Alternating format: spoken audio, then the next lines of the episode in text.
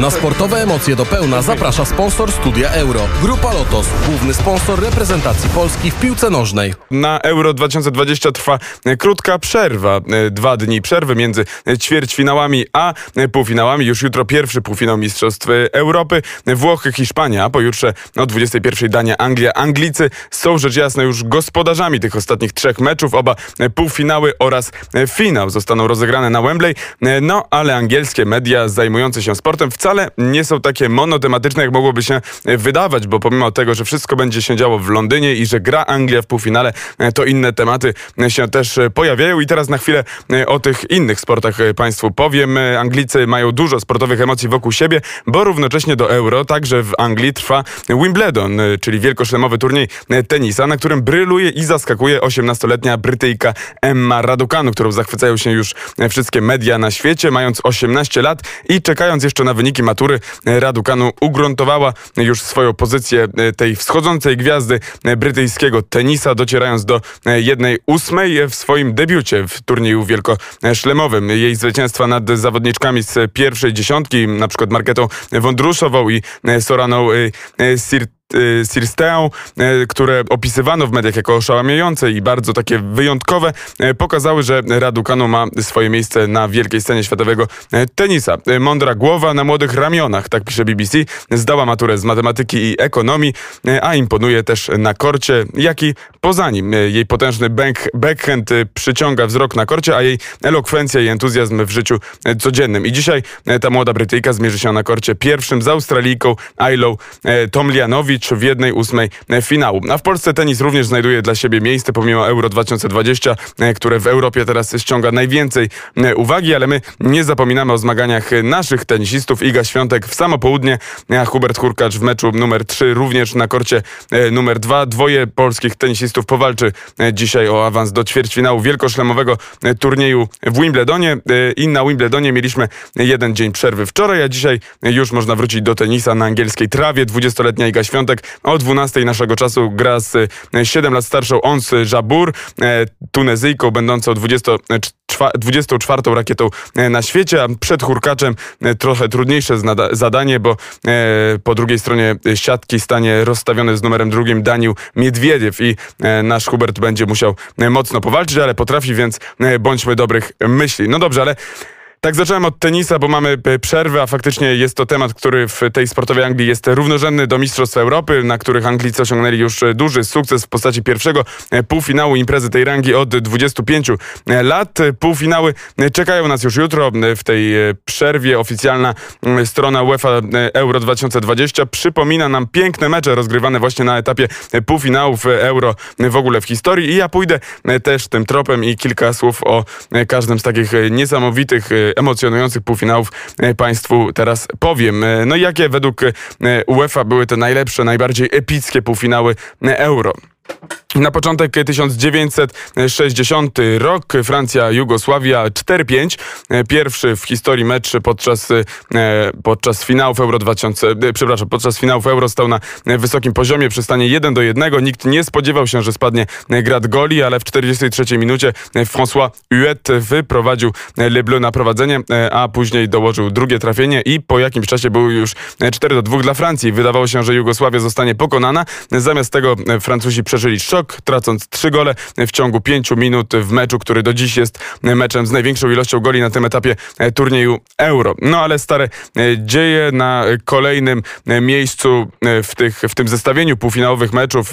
Znowuż półfinał z udziałem Jugosławii, przeciwko której mierzyły się zachodnie Niemcy. Jest to rok 1976 i RFN ten półfinał wygrała, choć Niemcy wydawałoby się ten mecz przegrają 0-2 i to w Belgradzie taki wynik można było obserwować. Danilo Danilo e, Powiwoda e, i, e, i Dragan Djajic wyprowadzili na prowadzenie 2 do 0 gospodarzy, którzy na bardzo mocnych wyglądali nawet po utracie tego gola kontaktowego, który, którego strzelił Heinz Floche.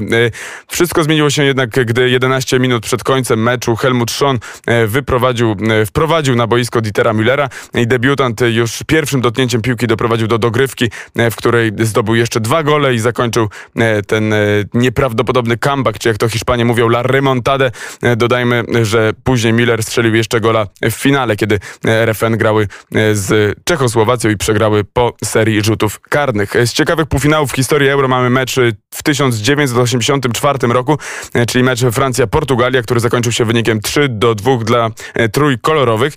Po porażce w 1960 roku Francuzi w końcu dotarli do swojego pierwszego finału 24 lata później. Dominowali przez długi czas dzięki kunsztowi Michela e, Platiniego w meczu z Portugalią trafił, e, e, trafili jako pierwsi za sprawą Jean-François Domerga i wydawało się, że są gotowi na takie rutynowe zwycięstwo, dopóki Rui Jordao nie wbił gola w 74 minucie. Później jeszcze ten sam zawodnik podwyższył na rzecz Portugalii w dogrywce, ale potem Platini najpierw dograł Domergowi, by ten wyrównał, a później sam strzelił tego zwycięskiego gola. Cztery lata później mamy, mamy w historii ciekawy mecz RFN Holandia. To 1900 1988 rok, 2-1 dla Holendrów.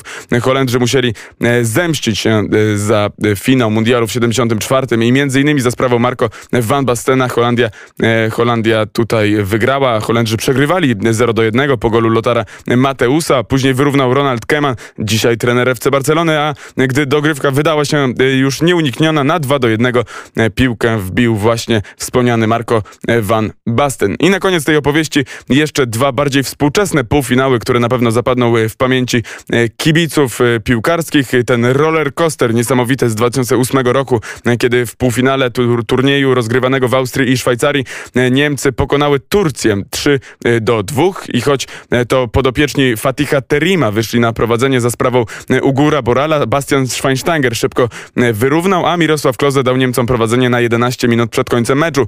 To jednak nie był koniec emocji, bo Turcja oczywiście odpowiedziała. Semih Centru strzelił bramkę, e, ale ostatnie słowo należało do Filipa Lama, który tuż przed końcem w 90 minucie popisał się fantastycznym uderzeniem i skończyło się to wszystko 3-2 dla e, Niemiec. A na koniec tej opowieści e, mecz na Stadionie Narodowym w Warszawie. Półfinał też z udziałem Niemców, Niemcy, Włochy, no i taki kosmiczny mecz Mario Ballotellego, e, one man show można powiedzieć, e, Mannschaft e, weszli do ostatniej czwórki, wygrywając wszystkie mecze wtedy w Polsce i na Ukrainie. I trzeba było czegoś wyjątkowego, tak się wydawało, żeby powstrzymać tę niesamowitą dominację niemiecką na europejskiej scenie piłkarskiej, no i na scenę wkroczył kontrowersyjny Mario Balotelli. Wiemy, że bardzo wiele kontrowersyjnych historii z nim związanych, na przykład odpalanie fajerwerków w łazience w którymś z hoteli. No ale włoski napastnik wtedy e, nie tym brylował, tylko brylował swoją piłką nożną. Pokazał, że nie boi się wielkich meczów. Uderzył najpierw głową z podania Antonio Cassano i zdobył pierwszą w historii Azzurri bramkę na półfinale Euro, a po 36 minutach dołożył drugą. E, po długim podaniu huknął jak z armaty i Manuel Neuer E, nie miał żadnych szans i to po tej bramce zrobiono to słynne zdjęcie cieszącego się Super Mario, e, bo tak nazywano Mario Balotelliego, który zdjął koszulkę i stanął jak posąg, napinając wszystkie mięśnie, co przeszło na pewno do historii Euro 2020. Niemcy, którzy mieli za sobą serię 15 kolejnych zwycięstw w rozgrywkach, nie zdołali wtedy się już podnieść. Karny Mesuta Ozila w doliczonym czasie gry był jedynie golem honorowym. No i to tyle, jeśli chodzi o wspomnienia.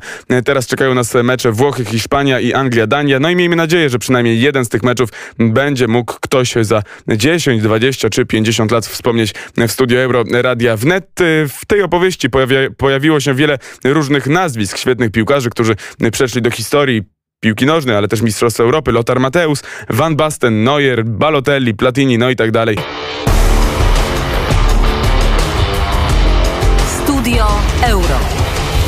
Francja e, bardzo słabo pokazała się na tym Euro 2020. Francuzi odpadli w meczu ze Szwajcarią po karnych, a Szwajcarzy e, mieli potem szansę, żeby wyeliminować Hiszpanów. E, Hiszpanów też, też doprowadzili tam do dogrywki i rzutów karnych i byli o krok od tego, aby zameldować się sensacyjnie w półfinale i trochę się to dla Szwajcarów skończyło tak jak nasze Euro 2016, kiedy my również graliśmy z, w ćwierćfinale, tym, tylko że my z Portugalią i też przegraliśmy po rzutach karnych, żeby ta historia miała e, bardzo podobny koniec do tamtego euro, no to Hiszpanie musieliby wygrać e, euro 2020, no bo wtedy Szwajcarzy by odpadli z mistrzem, tak jak my wtedy w 2016 też z mistrzem odpadliśmy. Natomiast we Francji teraz trochę się chyba obrażono na tę piłkę reprezentacyjną. W każdym razie takie odniosłem wrażenie w ostatnich dniach, kiedy wchodziłem na dziennik L'Equipe, na stronę tego dziennika, bo, bo, bo we Francji oczywiście sport żyje. Francja sportem żyje, ale teraz mam wrażenie, że bardziej Tour de France jest tym tematem numer jeden, bo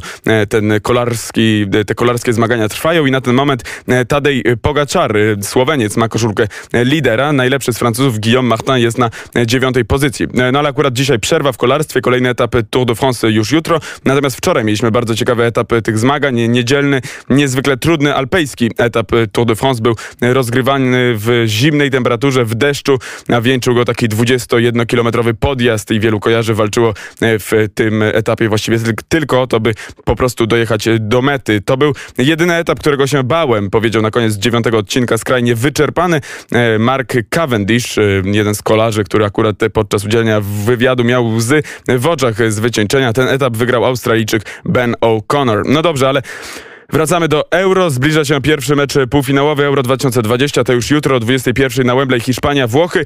Hiszpania miała spore problemy, by znaleźć się na tym etapie rozgrywek, ale na Półwyspie Iberyjskim teraz mam wrażenie, że panuje większy optymizm. W każdym razie wśród kibiców, chociaż media oczywiście są w tym temacie podzielone, o czym wczoraj w studiu Euro mówił przebywający w Hiszpanii sędzia międzynarodowy Tomasz Listkiewicz. Wyczułem, że ci z Madrytu nie do końca jednak są tę kadrę popierają.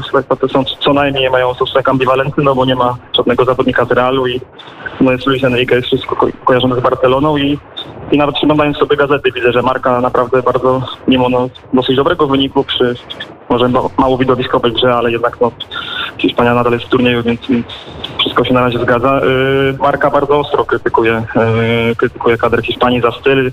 Piszą o trenerze z przeciętniakiem, że nie potrafi z dobrych zawodników wydobyć czegoś więcej. Więc, więc jest taka tutaj tak tradycyjna hiszpańska wojenka między yy, Madrytem a, a Barceloną i to się teraz też na kadrę przełożyło. I to jest y, prawda, to mówił Tomasz Liskiewicz, że, y, że Luis Enrique, trener reprezentacji Hiszpanii, nie powołał na euro żadnego piłkarza Realu Madryt, za co został też skrytykowany, chociażby przez y, wspomnianą hiszpańską markę, madrycki dziennik, chyba taki najsłynniejszy w Hiszpanii, który nie był zadowolony z tego powodu, że żadnego z królewskich na tym turnieju nie zobaczymy i nie widzieliśmy do tej pory. Natomiast jak dzisiaj patrzymy na dziennik Marka, to dzisiaj akurat pozytywnie mam wrażenie, bo dziennik wyciąga taką ciekawostkę. Busquets, Sergio Busquets, super kapitan, który już przewyższył Ramosa w noszeniu kapitańskiej opaski. No i tutaj Sergio Busquets to jest oczywiście piłkarz FC Barcelony, a Sergio Ramos piłkarz Realu Madryt i Ramos nie zdołał przejść do żadnego ćwierćfinału dużej imprezy jako kapitan reprezentacji La Roja, podczas gdy Busi, bo tak nazywa się Sergio Busquetsa, jest już w półfinale i tutaj Marka opowiada nam trochę o Sergio Busquetsie, mistrz świata z 2010 roku, mistrz Europy z 2012 2012 roku nie mógł lepiej rozpocząć swojej kariery jako kapitan reprezentacji Hiszpanii. Pierwszy turniej z opaską i drużyna jest już w półfinale w rundzie, na którą niewielu stawiało przed tym turniejem, ale którą udało się osiągnąć głównie dzięki temu, że uczyniono słowo drużyna tym głównym znakiem rozpoznawczym selekcji Hiszpanii.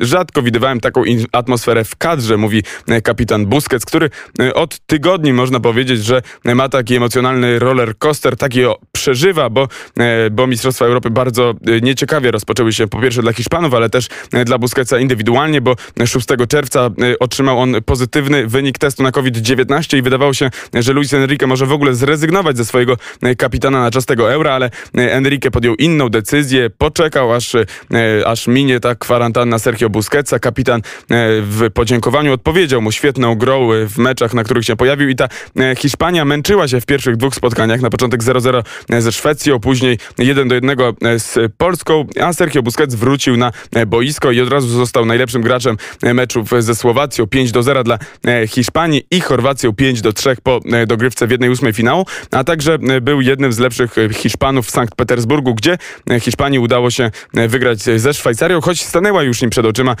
wizja odpadnięcia z turnieju, bo jak wspomniałem, to wszystko zakończyło się na serii 11, a Busquets właściwie jedyny bemol na tym turnieju właśnie swojego karnego w meczu ze Szwajcarią e, nie strzelił, e, choć nie przyczyniło się to oczywiście do odpadnięcia i porażki jego e, drużyny. Hiszpanie jutro grają z Włochami. Wydaje się, że jednak Włosi staną tutaj w roli faworyta, ale takie mecze w półfinale to już właściwie o faworytach nie można mówić. To będą na pewno równe spotkania. Miejmy w każdym razie taką nadzieję. Jutro na Wembley 21 Hiszpania-Włochy, w środę Anglia-Dania. A więcej o tym drugim półfinale powiem Państwu o godzinie 12.45. Wtedy nasze kolejne spotkanie w Studio Euro na teraz. Już Państwu serdecznie dziękuję. Zostańcie z Radiem Wnet. Jest godzina 8.51.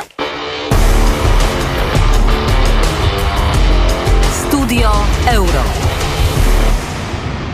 Na sportowe emocje do pełna zaprosił sponsor Studia Euro. Grupa Lotos, główny sponsor reprezentacji Polski w piłce nożnej.